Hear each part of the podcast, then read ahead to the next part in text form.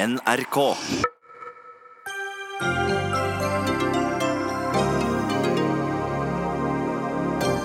Vi låner på huset og trekker rentene fra på skatten. Men nå tar flere til orde for å kutte ordningen. Skrivebordpolitikk, sier Høyre til det. Taxfree-ordningen er griskhet satt i system, sier professor, som mener nordmenn blir midlertidig lobotomert når de tror at spriten og sjokoladen er billig, mens det egentlig er et ran av forbrukerne. Og kvinner er blitt kvotert inn i styrer og på enkelte studier, men nå kan det være menns tur. Legeforeningen vil ha en kvote på 40% av plassene på medisinstudiene forbeholdt menn.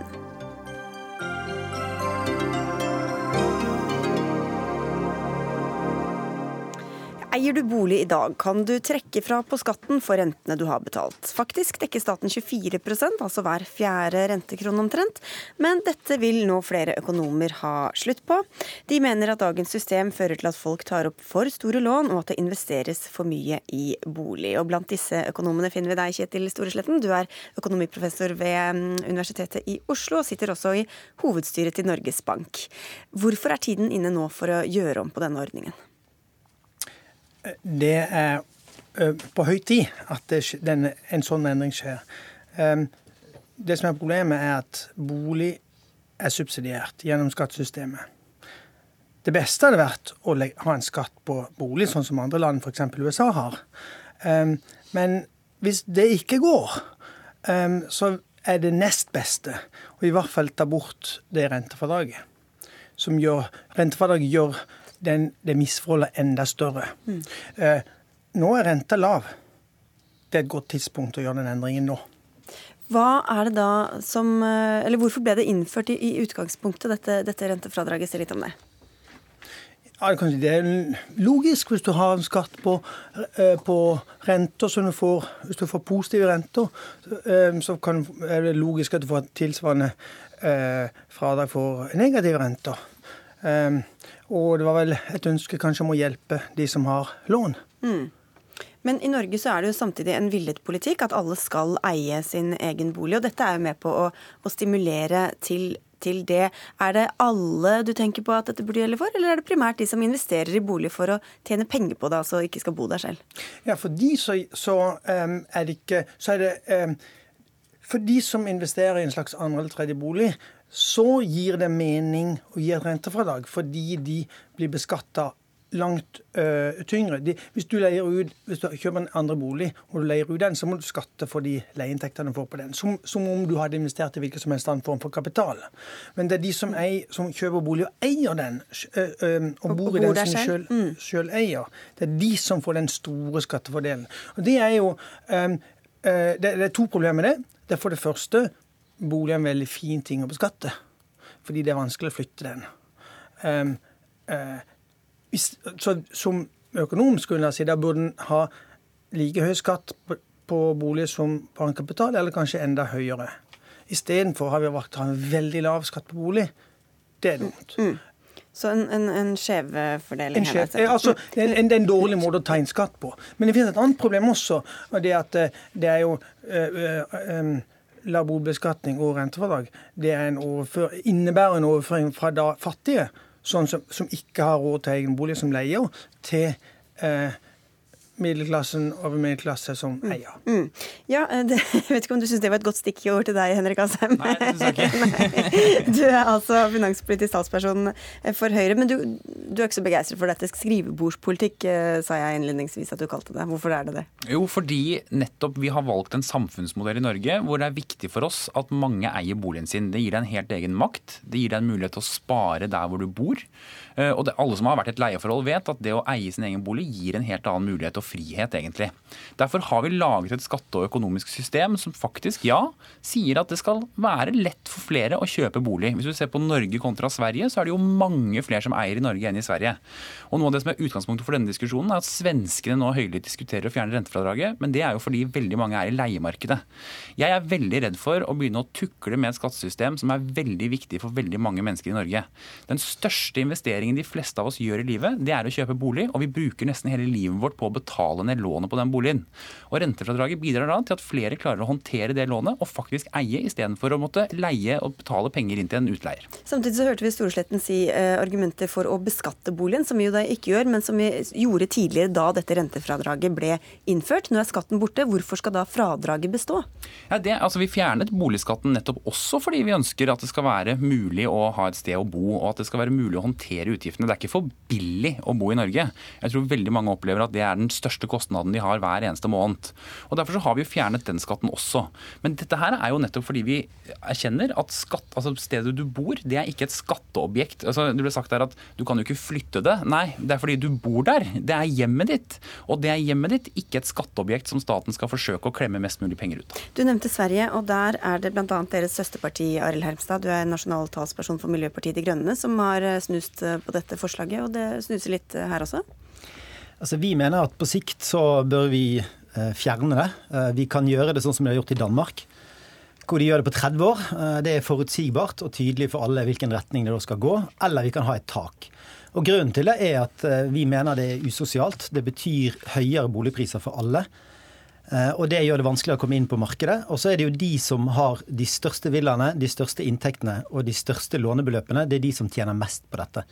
Så det er også usosialt på den måten. Og selv om det er bra å eh, eie sin egen bolig, eh, og mange i Norge gjør det, så tenker vi òg at eh, skillet mellom de som eier bolig, og de som ikke har mulighet til å eie bolig, det er også et klasseskille. Og det må vi faktisk gjøre noe med også. Ja, for Alle snakker, tenker på liksom folk flest og at de skal ha råd til å bo, men dere, dere, tar jo da først og fremst hensyn til de som faktisk har råd til å kjøpe seg leilighet i utgangspunktet, da, Henrik Asheim? Og det er fordi vi har et system hvor de aller fleste etter hvert i livet sitt i alle fall får råd til å kjøpe sin egen leilighet. Og når du sier at dette her er først og fremst noe for de som har store lån, ja når har du det høyeste lånet, og når har du egentlig trangest økonomi? Jo, det er når du akkurat etablerer deg og kjøper. Etter hvert som du betaler ned på lånet, så er jo rentefradraget også en mindre viktig Eh, fradrag å få. Så jeg mener at det MDG foreslår her, det kan være veldig alvorlig for veldig mange av de som allerede har trang økonomi, fordi de har tatt opp lån og kjøpt sin første bolig. Jeg hadde vært enig med deg om vi sa at vi skulle gjøre det i morgen, men det er ikke vårt forslag. Eh, vi tenker at dette må gjøres på lang sikt. Da vil du også få den effekten at prisen for å komme seg inn på boligmarkedet blir lavere. Det betyr lavere kostnader for den enkelte. Når du ikke hauser opp boligmarkedet på den måten som rentefradraget faktisk bidrar til. At det blir dyrere for alle å kjøpe. For Storesletten her også. Ja. ja altså, eh, du er representant for Høyre, som hevder å være et, et parti som er, er vennlig for næringslivet, og som ønsker å innrette ting på en velfungerende måte. Eh, men det er jo meningsløst at, at vi skal kjøre så enormt mye kapital inn i boliger og, og, og eiendom, istedenfor å fri opp den kapitalen og få den inn, inn i, i, produktive bedrifter. Det må jo være en fin, god næringslivstanke. Et av Høyres aller viktigste prosjekter alltid har vært selveierdemokratiet. At flest mulig skal eie stedet sitt og bo. Det gir også frihet til folk og makt til folk. Og så er det sånn at sant, Hele resonnementet, derfor jeg kaller det skrivebordspolitikk, det er at folk stol, alle mennesker baserer dette seg på å si sånn Skal jeg kjøpe aksjer i Equinor, eller skal jeg kjøpe meg leilighet? Det er ikke situasjonen for de aller fleste. Leilighet er den store investeringen, og det er for å ha et sted å bo. For De færreste tenker vel sånn som økonomer, Storosletten, at skal, som Asheim sier, skal jeg da bruke disse 100 000 på, eh, som egenkapital, eller skal jeg sylte dem ned i et eh, for, selskap? For få tenker som økonomer, etter mitt syn. Men, men eh, eh altså eh, du har rett i det. at, hvis, at en, kan, en, kan, si at vi ønsker at veldig mange skal eie egen bolig. Men da vil, da vil det være rimelig å si at uh, vi kan gi et rentefradrag, men med et, uh, et tak. Mm. Et ganske lavt tak kunne dere, være fornuftig. Ja. Det, vil jo, det vil jo, for eh, en, en øvre middelklasse Om du har rentefordrag eller ikke, så vil du selvfølgelig eie sin egen bolig. Mm. Det, er jo ikke, det er jo ikke der skoen trykker. Uh, enig med med Storesletten. Jeg er usikker på om flere burde tenke som økonomer. Men uh, det, det, som jeg Eh, altså Der Asheim tar feil, da, er jo når han sier at uh, dette er et sånn individuelt valg for den enkelte om å kjøpe aksjer eller hus. Uh, Nei, jeg sier jo at det altså, ikke er det. Ja, som leder i finanskomiteen så skal jo ikke du tenke på uh, liksom at dette handler om individets valg. Dette handler jo om det store samfunnet, altså hvordan systemene våre er innrettet. Og når både pengefondet og OECD sier at Norge må slutte å favorisere bolig boliger gjennom skattesystemet vårt, fordi at det hindrer investeringer, det hindrer nyskaping. Så tenker jeg at Høyre burde liksom tygge litt på det argumentet. i hvert fall. Er, er du enig i, i tankegangen da, Asheim, at dette er faktisk er med på å drive boligprisene opp? Nei, det er jeg ikke. Fordi det er altså sånn at I så fall så må jo Gjermstad Hjelmstad forberede seg på å øke skattene dramatisk på eiendom. Altså fordi Hvis du skal faktisk gjøre det sånn at det har noen effekt på boligprisene, så skal det jo mye mer opp enn å fjerne rentefradraget. Dette her er noe vi gjør nettopp for at flere skal ha råd til å betale ned på lånet sitt. Og så er Det sånn at du, det du sier nå, er at du hører på OECD. Vel, eh, du snakker til ut i stuene til folk. Mange mennesker som bor, og den største utgiften de har hver måned, det er boligutgiften Dere du pleier å lytte til OECD noen ganger når, det, når, det, når dere Ja, ønsker det. men si det sånn OECD tar ikke høyde for én viktig ting, og det er samfunnsmodellen Norge har valgt kontra veldig mange andre europeiske land, som har gjort f.eks. at integreringen går bedre. Veldig mange av de som kom hit på 70- og 80-tallet, eier sin egen bolig, har vært med på prisveksten, har det, eh, den tryggheten som andre land ikke har. Og så er det sånn at ikke sant, Den utgiften er den største de har hver måned. Og da, Det du sier nå er at nei, ikke, kanskje ikke i morgen, men på sikt så skal jeg kanskje vurdere å gjøre det. Det, ikke sant, det å varsle den type ting som politiker betyr enormt mye for månedsregnskapet til en helt vanlig norsk familie. Så du må faktisk kunne svare litt tydeligere på det enn å si at kanskje skal vi gjøre det på sikt eller ikke. Nei, altså- Du har selv sagt at du ønsker å gå i regjering med Arbeiderpartiet på et tidspunkt. Er dette et krav dere kommer til å fremme? Er dette politikk dere faktisk Vi må faktisk behandle MDG som et politisk parti som alle andre Ja, partier. det er jeg veldig glad for at du sier. Men, men Ja. altså, i Danmark har de altså vedtatt å gjøre det på 30 år. Det er ikke dramatisk over natten. Og vi kan altså velge en modell hvor vi har et tak. Den kan også innføres gradvis. Og det vil bety at boligmarkedet ikke blir fullt så hett som det har vært. Og vi vet at i Norge så øker kostnadene folk har til bolig, mye mer enn prisveksten, enn lønnsveksten. Og da må vi se på hvilke tiltak vi kan gjøre for å bremse den opp, eh, opphetingen av boligmarkedet. Og det vil også tjene folk. Nødvendigvis ikke de som sitter der i dag med sin bolig, men de som skal inn på boligmarkedet om fem år, om ti år, om 15 år. Jeg syns de fortjener en litt bedre seriøs vurdering av et sånt forslag enn å liksom vise til at det, dette snur opp ned på alt over natten. Men det, det er mange hensyn å ta, skjønner du, som kan stå mot hverandre. eh, Det anerkjenner vel alle. Men, men da, Asheim, det, her er, det er jo penger ut og penger inn. ikke sant? Det er et stort eh, budsjett her. Hvor, hva med dette taket, da? Ved å differensiere litt hvem som skal faktisk få dette fradraget og ikke?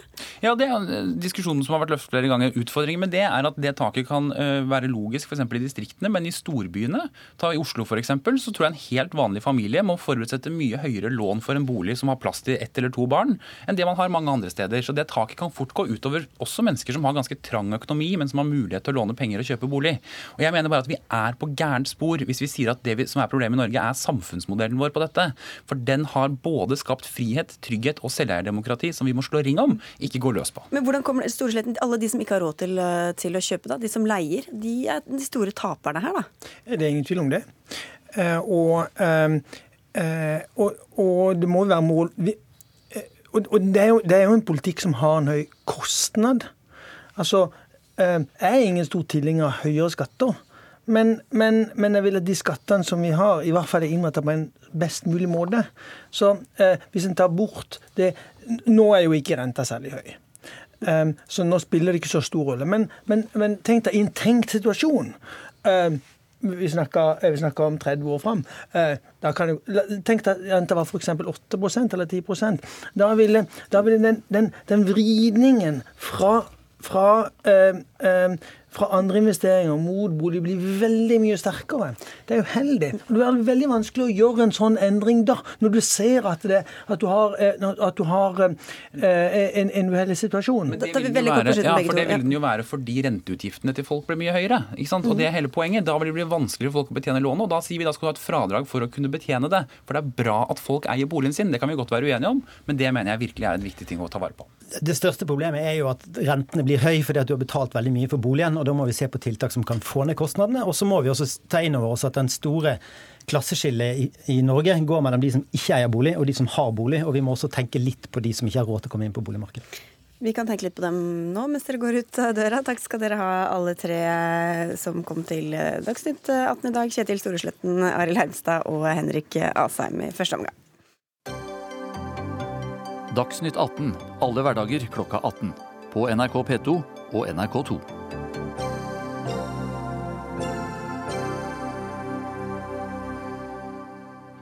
For litt over to timer siden ble juristen Giuseppe Conte tatt i ed som ny statsminister i eh, Italia. Dermed får landet sin populistregjering bestående av de sterkt EU-kritiske partiene Ligaen og Femstjernersbevegelsen. Men veien dit har vært lang og kronglete. I helga ble et forsøk på å danne regjering stoppet av Italias president, fordi mannen som skulle bli finansminister, Paolo Savona, tidligere har sagt at han vil løsrive Italia fra eurosamarbeidet. Nå er de blitt enige, og Savona får en annen ministerpost i stedet. Men var det riktig av presidenten å ikke godta en finansminister fordi han er eurokritisk? Det syns i hvert fall ikke du, Mimir Kristiansson. Du er nyhetssjef i Klassekampen, og du sier at det som skjer i Italia er dypt urovekkende. Hvorfor er det det? Nå har jo dette heldigvis fått en løsning, og det kan vi jo være glade for. Men det som jeg syns er urovekkende, det er at du har et valg, og i det valget vinner euroskeptiske, eurokritiske partier fram. Så ønsker de å danne en regjering, og da er det en minister som har noen meninger som ikke passer EU og de europeiske finansmarkedene. Og det er med henvisning til disse finansmarkedene da, at presidenten sier at man ikke kan ha en minister som vil på en måte ja, skape økonomisk krise. Og jeg kan ikke forstå annet enn at det er dypt udemokratisk dersom de ansiktsløse markedene, som i realiteten er milliardærer, banksjefer, kreditorer, skal kunne diktere hvem som blir statsråder i hvilke poster i ulike EU-land. Elisabetta Casina Wolff, du er stipendiat ved Universitetet i Oslo og ekspert på italiensk politikk og samfunn. Hvor urovekkende synes du at denne manøveren var? Her er førsteamanuensis ved Universitetet i Oslo. Oh, det går fint. Det går fint. Nei, det alt det som har skjedd, har skjedd eh, på demokratisk vis. Eh, det er eh, ikke det som er urovekkende. At presidenten har eh, stoppet Paolo Savona. Eh, det har skjedd innenfor eh, hans mandat, ifølge artikkel 92 i Grunnloven, som sier at det er presidenten som utpeker statsministeren og ministrene, og ikke noe annet. Han gjør riktignok etter forslag fra en kandidat. Så kan man selvfølgelig diskutere om dette var opportunt om at det var passelig at presidenten valgte å, uh, å, å bruke den artikkelen uh, for å sende uh, Savona hjem. Og de, presidenten selv i en tale brukte to argumenter. Det ene var at han som president må passe på landets, landets interesser, og i dette tilfellet så kan, en, eh, eh, kan det skje at hvis Italia trekker seg ut av euro, eh, kan dette kan skje store konsekvenser for, for landet. Og investorene er ikke bare utenlandske investorer og utenlandske milliardærer, men det er faktisk italienske, mm. italienere som har investert i statsobligasjoner, f.eks. Det andre argumentet er at euro ikke var en sak i valgkampanjen i det hele tatt. Tvert imot, da disse partiene fikk spørsmål om hva de ville gjøre med Italias deltakelse i EU og euro, så, så sa de veldig klart, begge to, begge, eh, både Salvini og Di Maio, at de ikke ville endre Italias linje i eh, europapolitikken og utenrikspolitikk. Så det var bra at presidenten eh, ba om å få ekstra forsikringer i forbindelse med denne utnevnelsen. Vi, vi, må ta inn Kristiansson her også. Det er jo altså innenfor presidentens mandat, hører vi. Så hva er det som da er så udemokratisk og problematisk? Ja, altså... Jeg mener ikke at dette er ulovlig eller at det er brudd med Italias konstitusjon, men du hører jo på argumentasjonen her òg. Investorene sine interesser er det som har fått presidenten til å gjøre dette. Det vil si at det er heller ikke hans egentlig hans interesser han ivaretar. Han ivaretar interessene til disse såkalte investorene. Og enten disse investorene er italienske eller utenlandske, så er de ikke folkevalgte. Og når det skal være sånn at hensynet til investorene dikterer hvem som kan bli statsråder i land, da er demokratiet parkert. Og demokratiet det er sånn at òg når du taper valg, må du godta at folket har bestemt. Og så vil jeg bare si, det er vel ingen som tror at om denne Savona hadde vært finansminister i stedet for industriminister, som han nå er, så ville Italia trukket seg fra euroen. Vi snakker om et menneske som den eneste forbrytelsen han har gjort, er at han en gang har sagt at han har en plan B om å melde landet ut av euroen. Og hvis det ikke engang skal være lov å ha en finansminister som har en plan B om å melde et land som er dypt forgjelda og i økonomisk krise ut av euroen, uten at investorene kommer og setter foten ned, ja, da er demokratiet ferdig. Jeg kan svare kort på det, Wolf. Mm, ja, det kan jeg gjøre. Jeg, mm, så vidt jeg vet, så har han blitt nevnt uh, minister for um, Europa, europasaker, uh, europapolitikk, så, og ikke en industriminister. Ja. Beklager. Uh, vi, vi, hvis, det, hvis, det, stemmer. jeg vil påpeke peker igjen at eh, når eh, investorene er eh, italienerne selv, så er det veldig riktig å, å tenke på det fra presidentens side. Men jeg vil også tilføye at mm, Savona er nær uh, kretser, akademikere, forskere, som, som vurderte plan B, altså trekke Italia ut av euro på veldig kontroversiell måte. Altså av all hemmelighet mm. og en eh, stengebank. Eh, altså annonsere dette en fredagskveld osv. Det er som dokumentasjon om, eh, om dette. Og Di Maio selv etter at han, at han som trukket tilbake sin sin trussel eh, om impeachment eh, og ba nesten om unnskyldning. Han innrømte selv at han ikke var så godt kjent med eh, Paolo Savona. Ja, kjapt innom Kristiansand. fordi det som du sier, altså du skriver og snakker syrlig om disse markedene, men han sier jo også at han, skal, han gjør det for stabiliteten i Europa og for Italia. Er det nødvendigvis det samme som bare å ta hensyn til investorene, altså utenlandske investorer og markedene? Altså, La meg bare først beklage at jeg bomma på hans ministerpost. Er italienske temperaturer i Stavanger. Jeg bommet akkurat på ja. tittelen, så ja. det har vi takket for. Greit. Men, eh, men, når det er sagt, her er begrunnelsen er at investorer og markeder vil skape en ustabil situasjon dersom de ikke får det som de vil.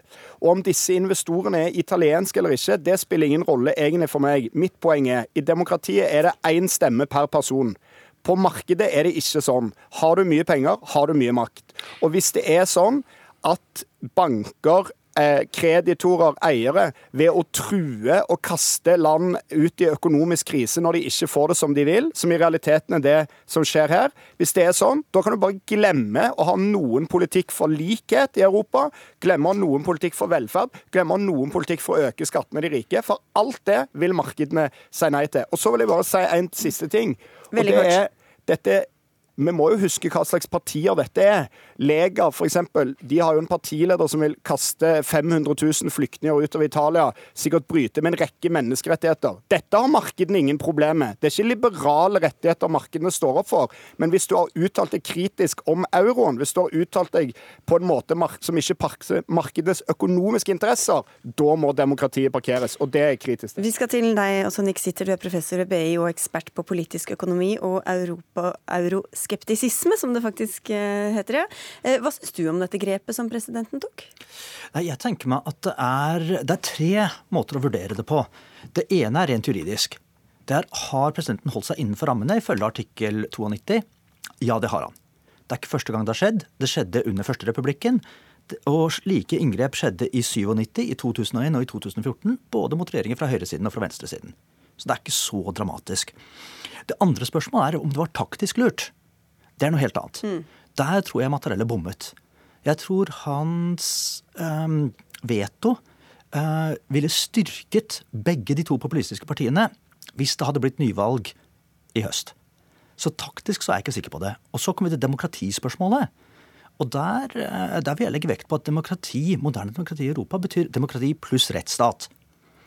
Og, og der, uh, der ser jeg i grunnen ikke noe problem. Fordi hvis du ser på hva presidenten sa, når han begrunnet dette, så er ikke problemet hans politikken. Problemet hans er å utnevne en minister som har som uttalt mål å provosere frem en krise.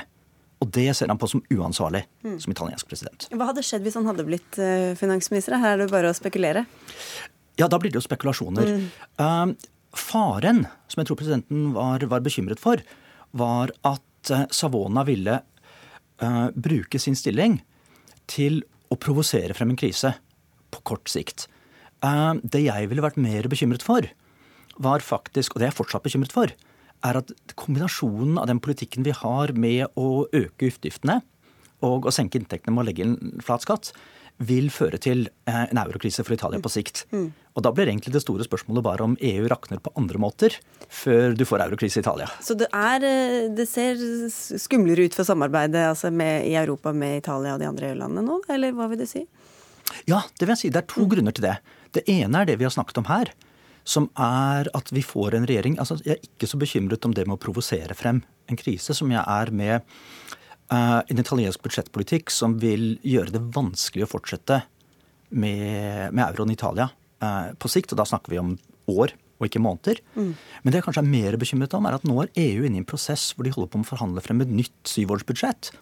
Og i den prosessen ser vi en sterk skillelinje mellom populistiske stater som bryter eller tøyer EU-reglene på den ene siden og ønsker penger fra EU, Ital eh, Ungarn og Polen. Og på den andre siden stater som Sverige og Nederland som er opptatt av eh, rettsstat og regler og ikke er villige til å betale noe særlig mer inn. Mm. Den krisen kan bli aksentuert, kan bli mye sterkere, hvis du får land som Italia inn på samme side som Ungarn og Polen. De har i hvert fall fått en regjering, og så får vi se hva den eh, gjør etter hvert. Takk skal dere ha alle tre for at dere kom til, eh, til Dagsnytt 18 fra hvert deres eh, studio. Mimir Kristiansson fra Klassekampen, Elisabetta Casino Wolff fra Universitetet i Oslo, og til deg, Nick Sitter, som altså er professor ved BI.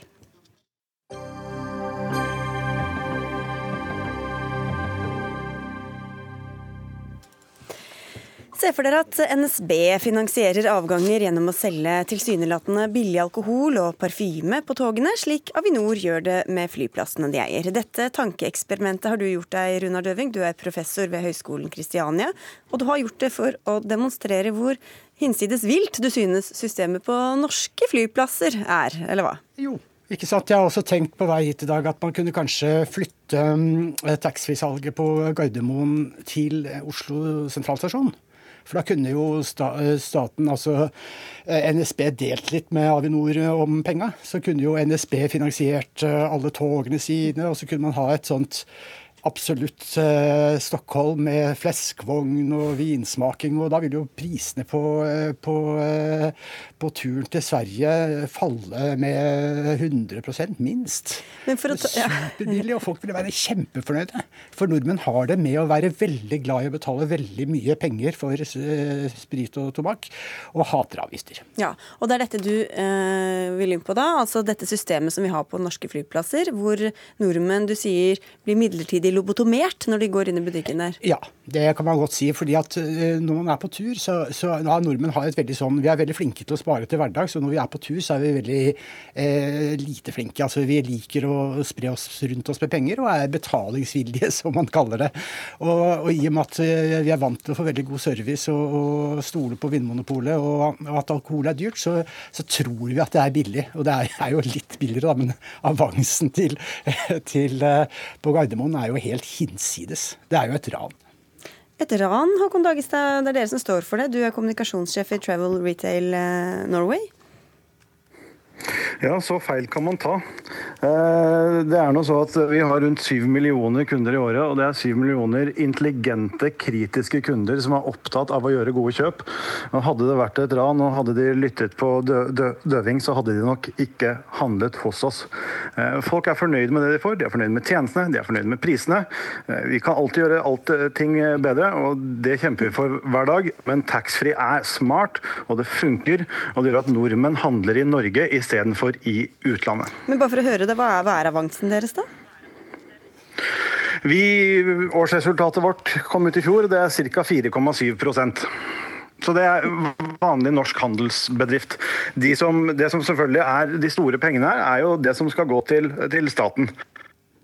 En tiårsperiode så vil vi betale 28 milliarder til norsk luftfart, som de er helt avhengig av. Og det er, Da er vi inne på dette systemet, Døving. For du sier at politikerne velsigner systemet. Altså Dette er jo penger som går til, til å finansiere øh, luft... Øh, ikke, ikke, ikke, ikke, sant, for Staten er en, viser seg å være en ekstremt god, god kremmer. ikke sant? Jeg har til og med hørt at de har øh, avansebaserte øh, leiekontrakter der oppe. og sånn, Så det Avinor klarer å trekke ut av, av sine leietakere, er jo helt ekstremt. Også prisene på Gardermoen er helt ville. Og det er klart at når han skal betale x antall milliarder til, til Avinor, så er jo det en annen måte å ta inn pengene på. Ja, men, men eh, jeg vil bare få ta det i dag, så er det sånn at vi, Hvor billig er det egentlig å handle hos dere? Lønner det seg nødvendigvis? Ja, det gjør det. Eh, så på sprit og tobakk 50-60% Vin 25% Sukkertøy rundt 20 eh, eh, Parfyme og kosmetikk kommer litt an på. Der har denne 350-kronersgrensen som gjort at du kan bestille varer fra utlandet, gjort at konkurransen er vanskeligere for alle oss som selger i Norge. Men jevnt over ligger vi også 20-25% under i pris der òg. Og så I tillegg kommer da selvfølgelig push. Så vi er billigere? Sånn, og, så ja, det er, klart, det er klart dere er billigere. Ja. Dere får, kjøper en flaske for 60 kroner og selger den for 260. Det er, vel ikke dran da, er det det? Vi, vi, burde kanskje ha konkurranse der ute, ikke sant? slik at det var et par tilbydere som kunne eh, kjempe om, om kundene gjennom pris. Mens her har dere eksklusive rettigheter til, til, eh, til, plassen og kan sette den prisen dere vil. Og det er klart at Når dere konkurrerer med avgiftene, så er det klart at det blir billigere. Det skulle da bare mangle. Men her blir det mange ja, diskusjoner på en gang. Det er en veldig ja. ikke stor sannhet. fordi vi konkurrerer med flyplasser i utlandet. Vi konkurrerer med, med København og med Stockholm Særlig. og med Frankfurt. Altså, og Før så la nordmenn igjen milliarder i København. Og etter at vi fikk ankomstsalg i Norge, så har vi milliarder i Norge og tusenvis av arbeidsplasser i Norge. Det er hele poenget, er at vi skal handle i Norge istedenfor i utlandet. Helt fint. og Da syns jeg vi kan flytte den til, til, til Oslo S, så kan NSB få lov til å få pengene en periode også, så vi sprer litt på det. Ja, vi kan drive butikker der, og vi ja, ikke, ikke, ikke, sant. Det vil dere selvfølgelig, selvfølgelig gjerne. Men i tillegg så vil jeg gjerne spørre dere om hva dere mener om markedsføringen deres. For at, eh, så vidt jeg vet, så gjelder markedsføringsloven på alkohol også i, um, oppe hos dere. Det er riktig. Hva tenker du på da? Nei, jeg tenker på at altså, Den viktigste markedsføringen er jo den som skjer rett før kunden tar en beslutning slik at når du blir pressa inn i butikken, så er det klart at det er en ekstrem brudd på markedsføringsloven på alkohol. Og Da tenker du på hvordan butikken er utformet? Ja, sånn går inn der. Du, altså, ja. De pusher jo deg gjennom hele, hele, butikken, slik at du er nødt til å kjøpe alt, alt, alt sammen. Så. Og Det er jo Avinor som egentlig er ansvarlig for det. De ja. ville ikke være med her i dag. Men Nei, det, det, det, blir litt sånn springende her. Men det som er utgangspunktet her, er jo denne eh, ordninga som jo var utgangspunktet også. Mm. Det er jo ikke en veldig logisk ordning at eh, man skal ha en taxfree som finansierer flyplasser i andre steder i landet. Det mener vel heller ikke egentlig du, Dagestad, at det er en sånn naturlig ordning. Men det er nå engang den ordningen vi har da, som finansierer det. Så hvor skal du ta disse pengene fra, Døving, hvis de ikke skal ha den ordningen? Eh, altså, Hvis noen hadde kommet på at man skulle eh, finansiere norske flyplasser ved å selge sprit, tobakk, godteri og parfyme, så hadde jo det aldri gått inn på Stortinget. Men, men det er klart at man kan godt finansiere det på den måten. Men da syns jeg virkelig at toget skal få samme, få samme mulighet. Det er tross alt mye mer miljøvennlig. Ja, Hvor er logikken her egentlig, Dagestad? Det er noe en gang sånn at det bare ble sånn. Det var en klok ire som fant ut at eh, fly måtte mellomlande der på vei over til USA, og starte da den første taxfree-butikken på en lufthavn. Og siden så har alle fått det de neste 70 årene. Eh, og da er det sånn at man Det er konkurranse om kundene. Man vil gjerne beholde pengene i Norge, og da må man ha taxfree. Hvis ikke så forsvinner pengene til Sverige og til Danmark og til Spania. Nei, det gjør det vel ikke. Man kan jo bare forby hele ordningen, akkurat som man har gjort innad i EU. Det er ikke noe vanskelig å endre en lov. Ja, Da må du også ta, da må du ta svenskehandel, så må du fjerne kvoten. Da er det slutt på fergene. Da, du, da går det utover Color Line og Fjord Line og alle andre. Så du må liksom ta konsekvensene ja, av det du sier. Man må ta konsekvens, konsekvensene. Og alkoholpolitisk er det en kjempegod idé. Men det er klart at det er politisk feighet i dette, i dette som, som, som, man ikke, ikke, vil gjøre noe med det. Men, men, men derfor så syns jeg det er viktig at tog får samme mulighet. For at nå er folk, driver folk og klager på togprisene. Man stenger linja til, til, til, til Stockholm.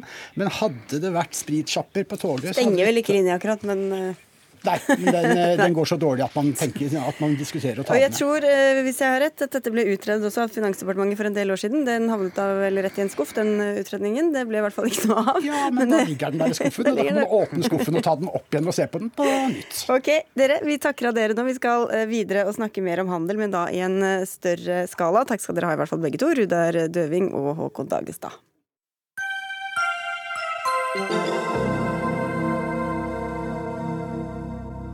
For det er full eh, handelskrig. I dag innfører USA toll på import av stål og aluminium fra EU, Canada og Mexico.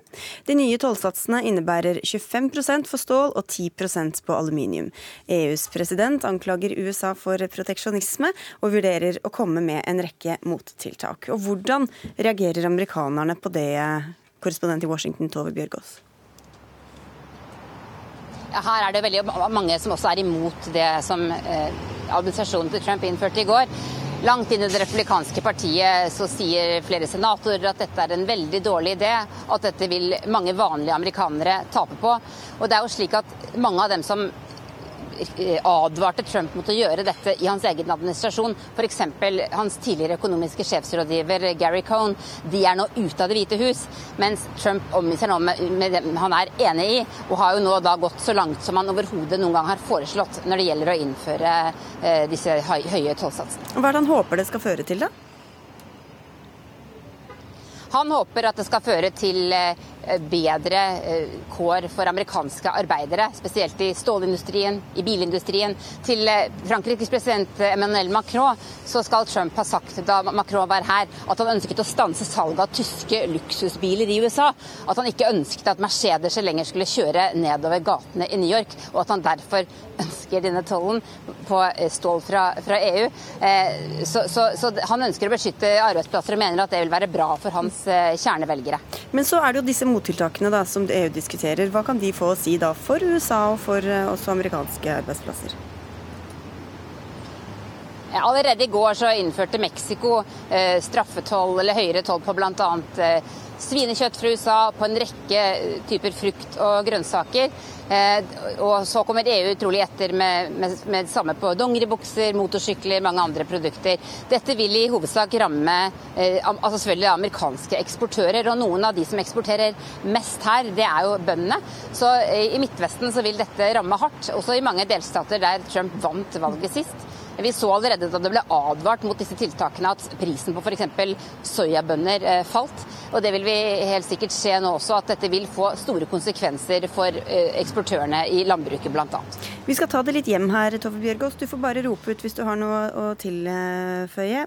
For det er altså denne handelskrigen som er i gang, næringsminister Torbjørn Røe Isaksen. Og hvem, om noen i det hele tatt, kan vinne på en sånn krig?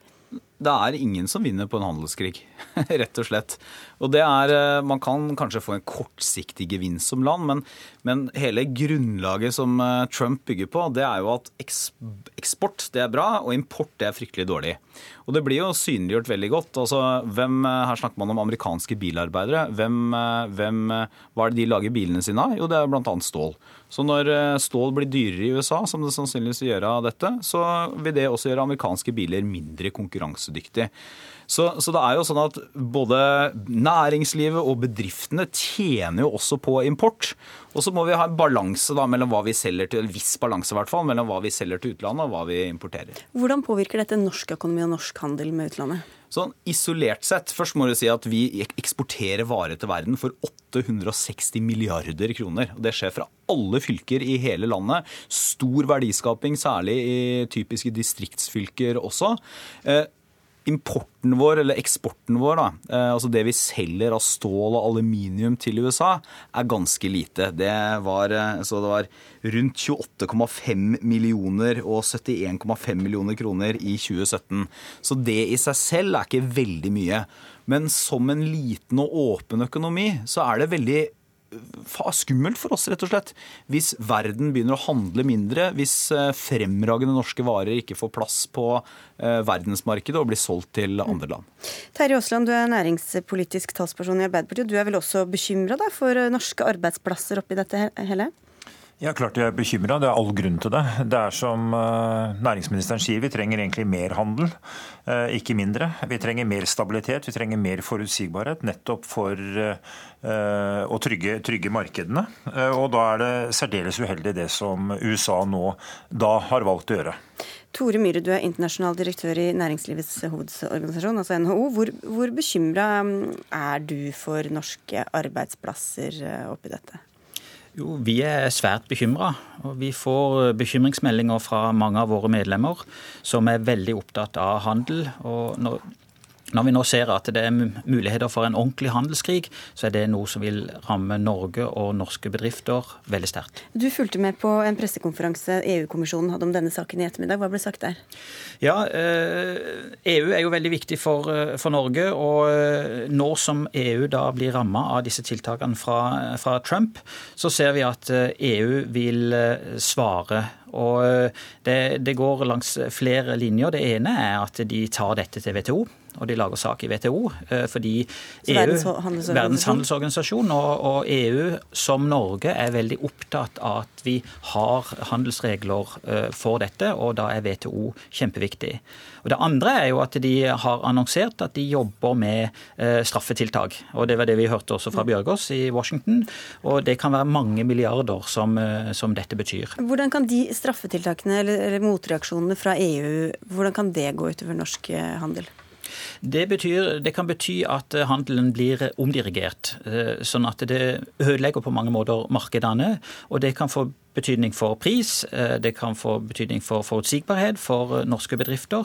sånn at det store, kan potensielt ha store konsekvenser. Men så er spørsmålet hva man kan gjøre med dette. Terje Aasland, din partileder Jonas Gahr Støre har sagt at Norge må være en tydeligere stemme mot proteksjonismen fra USA. Hvordan mener du regjeringa egentlig har vært utydelig i denne saken? Nei, jeg tror eh, en har eh, på en måte tenkt som så at dette skal gå litt over. Og det er ganske krevende og farlig. Og så kom det nå. Eh, og da er det viktig at en har den tydelige stemmen.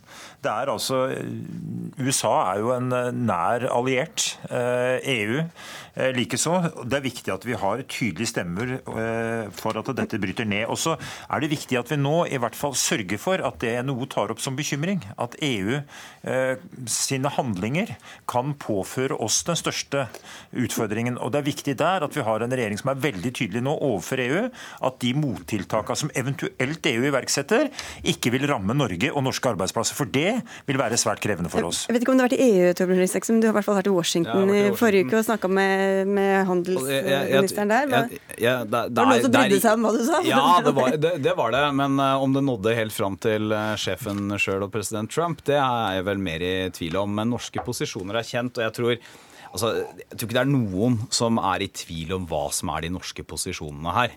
Det er det ene. Det andre er at eh, utenriksministeren, som har ansvaret for nettopp den internasjonale handelen og kontakten opp med EU, har selvfølgelig bruker mye tid, og det gjør også utenrikstjenesten, på kontakten opp mot EU for å sikre interesser, og, og får også positive signaler derfra, selv om vi ikke endelig vet hva konklusjonen blir. Og så er det en tredje ting som er viktig å si her, og det er at selv om ikke dette skulle bli en fullskala handelskrig, så er det sånn at hvis du, hvis du, sitter enten med en liten bedrift eller en stor bedrift, du skal investere penger, så er jo usikkerhet det verste du kan ha. Og Derfor er selve usikkerheten også dårlig for norske arbeidsplasser. Eh, selv om det går veldig veldig bra i Norge for tida, med lav arbeidsledighet og stor investering, så er det nettopp sånne type, den type storpolitikk vi ser nå, som i verste fall kan sette deler av verdensøkonomien på spill. Og da er vi, Spørsmålet er igjen da hva vi kan egentlig gjøre. Igjen til det Støre har sagt, Aasland. Han har oppfordret Erna Solberg til å ringe Trump direkte. Hva, tror dere, eller hva får dere til å tro at han ville, ville lyttet mer til Erna Solberg enn til andre statsledere i mye, mye større land enn vårt? Nei, Han er opptatt av, og har vel gitt uttrykk for også, at han uh, har gode relasjoner. Uh, og Det er viktig at vi som nasjon er tydelige. Uh, at vi bruker de mulighetene vi har, og ikke minst synliggjør at vi vil bryte ned handelsbarrierer og ikke bygge de opp.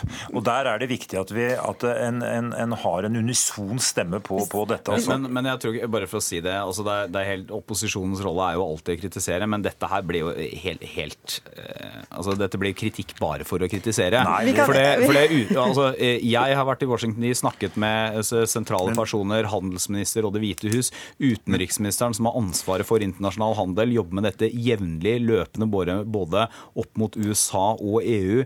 Utenrikstjenesten jobber med det. Det er ingen tvil om hva norske posisjoner okay. Men vi skal få inn Tove Bjørgaas her igjen. Tove, jeg vet ikke, Trump visste kanskje ikke at Erna Solberg ikke ville ha sånn straffetoll, eller? Nei, det, altså det som er eh, saken her, er jo at USA ønsker ikke å bruke det internasjonale systemet slik det er gjort her. De ønsker ikke å være, før. De ønsker ikke å være en eh, garantist for det systemet dere snakker om. Og Da tror jeg det er viktig at andre land går sammen og samkjører sine tiltak. Her har det blitt pekt på at Trump ønsker ikke USA tilbake til 80-tallet, han ønsker USA tilbake til 1680-tallet. Eh, da det landet gjorde var å, å handle med altså, Der man så på handel som, som, vinnere og tapere, og et land ønsket å eksportere for å sikre seg gull tilbake. Slik er ikke handelssystemet lenger. Eh, men, men, det som Trump gjør nå, er det veldig veldig få i hele verden som er enig i at er en god idé. Eh, så alle som kan legge press på ham, er vel, er vel noe alle land må prøve å gjøre.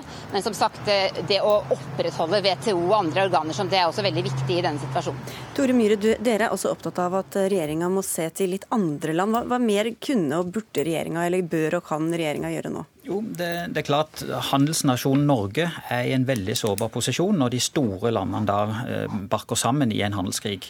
Det vi kan gjøre, er å prøve å finne vår rolle nettopp for å finne løsninger på eh, WTO-utfordringene.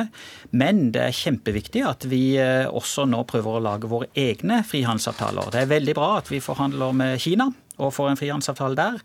Eh, gjennom EFTA forhandler vi også med andre land. Spesielt India er et stort land og stort marked.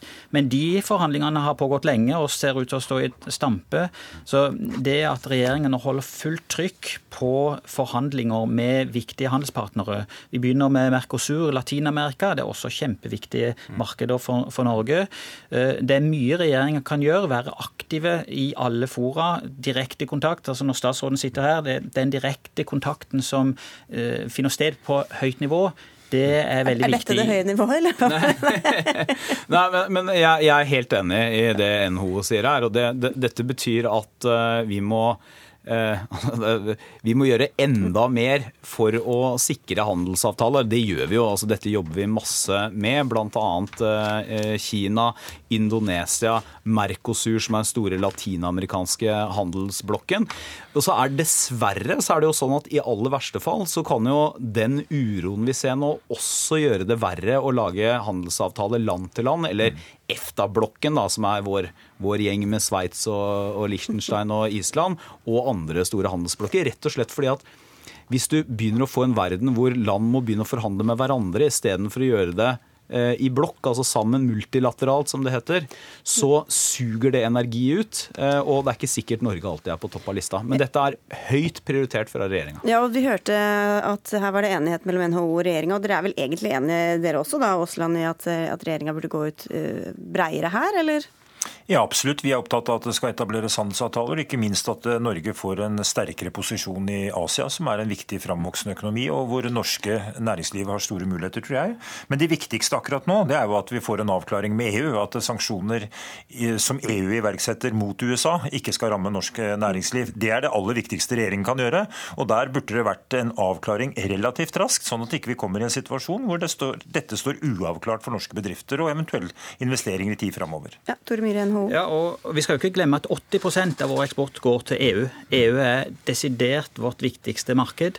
og Det da å hegne om EØS-avtalen eh, blir noe av den viktigste utfordringen framover. Og når vi ser nå at det blir debatt om EØS er viktig eller ikke, så er det en enorm utfordring. og Det er jo også en um, oppgave både for oss i næringslivet, men også for regjeringa å virkelig trappe opp eh, arbeidet med å forklare hvor viktig EØS er for norsk næringsliv og for Norge.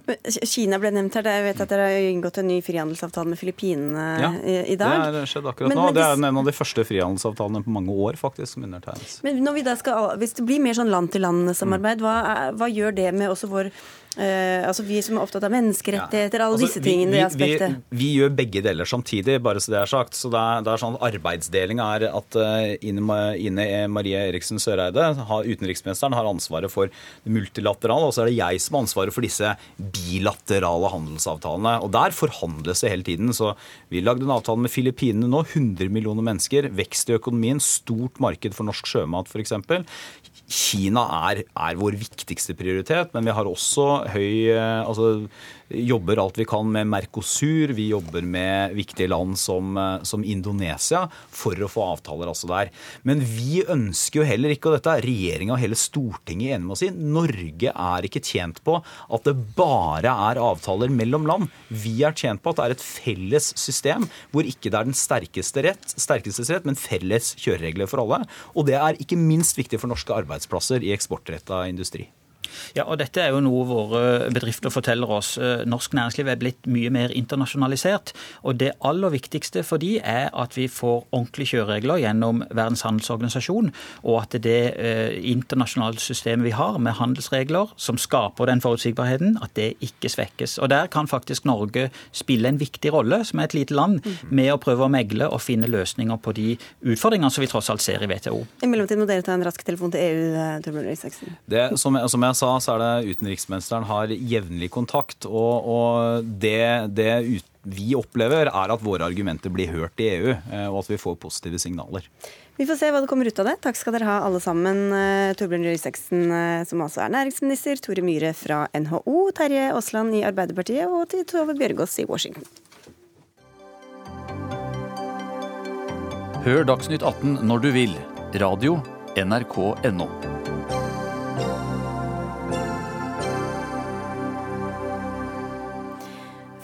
var det menn som var leger, tannleger og psykologer. Den tida er for lengst over. Nå er det kvinner som dominerer på disse studiene.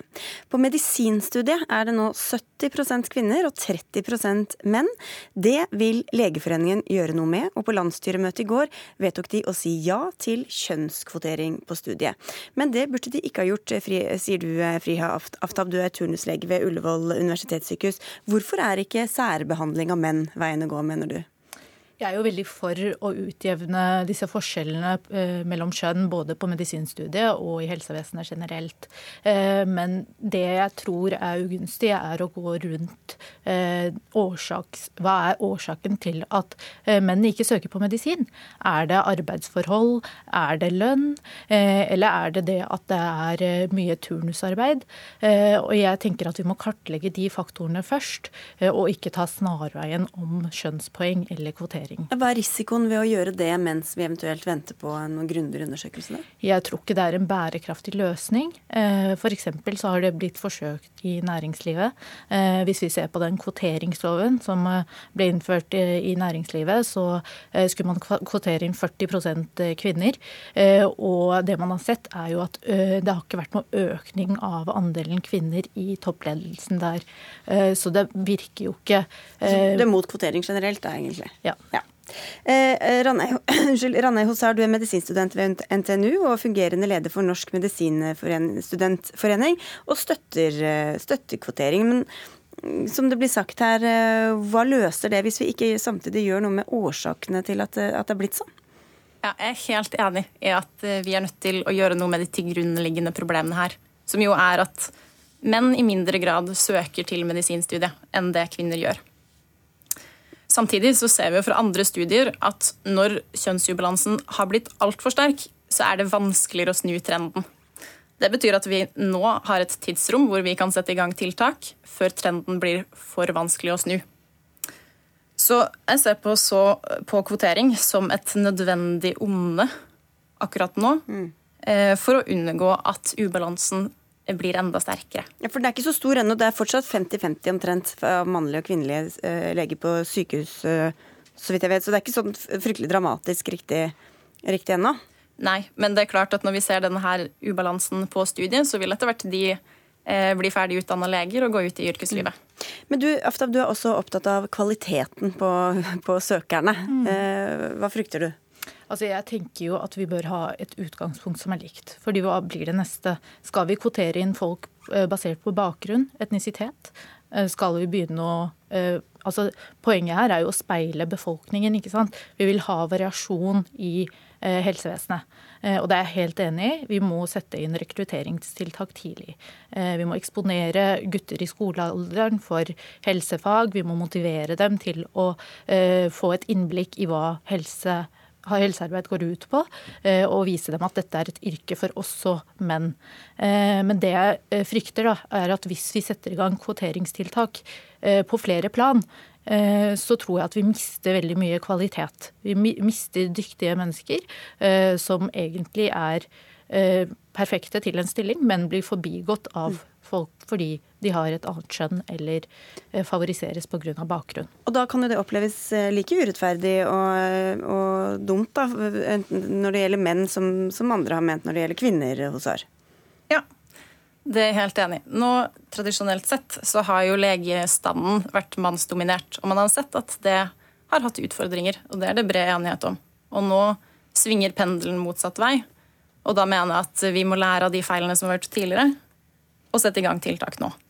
Men eh, til dette med kvalitet, som du var inne på, Aftab. Så, eh, Universitetet i Bergen de søkte om å få gjøre noe med dette og få en egen kvote på 30% for menn på medisinstudiet og integrert masterprogram i odontologi, og så fikk de nei fra departementet. Men i søknaden så skriver universitetet at det var nok kvalifiserte søkere til å fylle alle plassene. Så hva er da problemet, så lenge de er kvalifisert? Jeg tror jo ikke problemet ligger her, jeg tror jo problemet ligger lenger frem i tid. Fordi hva blir det neste? Vi må jo begynne å se på eh, innad i helsevesenet også. Eh, det er jo store forskjeller eh, innad på avdelingene. ikke sant?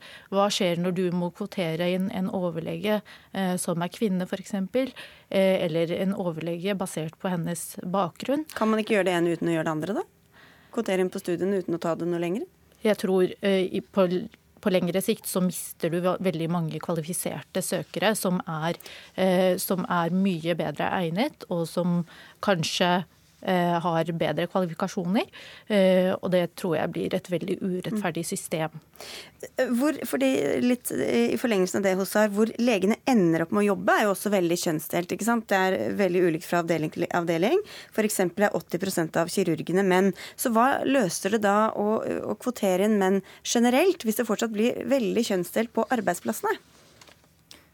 Jeg tenker at Her kan vi jo gjøre noe med legepopulasjonen. Og så er det viktig å si at det her er en, en ubalanse som vi nå ser på studiet, som fortsatt ikke har nådd eh, avdelingene og sykehusene.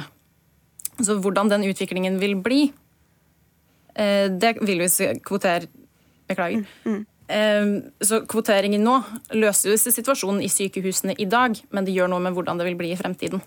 Men kan det løse disse skjevhetene? Altså det, det, det, er dette grunnleggende da, som det, ikke, som det ikke løser noe med. Nei, men nå tenker jeg at man får se på hvilke faktorer som vi faktisk nå gjør noe med. Vi vet at kjønn er viktig, eh, bl.a. for arbeidsmiljø. Og vi vet at arbeidsmiljø det er viktig for pasientbehandling. Mm.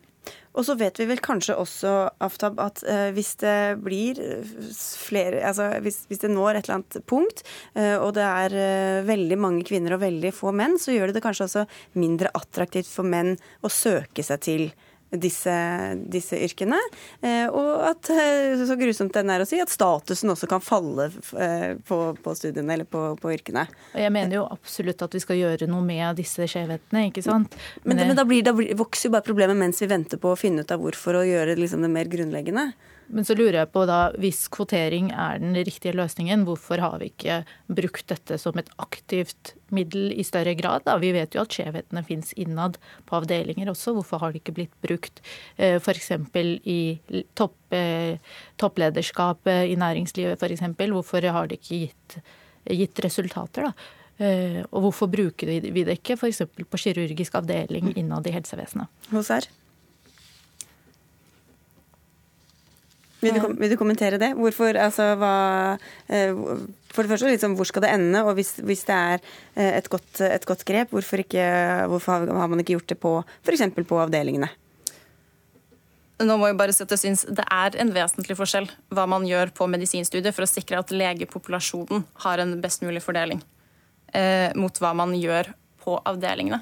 Og så vil jeg også si at Det er interessant at det blir pekt på at Det kan skape et urettferdig system. Fordi På medisinstudiet så har vi jo veldig mange flere søkere, og de er veldig likt kvalifiserte. Så forskjellen som vil skje der, ved å kvotere inn basert på kjønn, den er veldig liten. Mm. Hvordan det vil være i stillinger med færre søkere, som også har hatt tid til å opparbeide seg større ulikheter i kvalifikasjoner. Eh, det blir en litt annen sak. Ok, Vi rakk ikke mer i dag. Dere, dere vant i hvert fall fram, Ranne Hossar. Dere, dere fikk vilja deres. Du tapte, Frya Aftab, men vi får se om eh, politikerne lytter. Det var det vi hadde i Dagsnytt 18 i dag. Takk skal dere ha, begge to. Vi ønsker en god helg fra Dag Dørum, Lisbeth Sellreite og jeg, Sigrid Solund, og en fin kveld videre.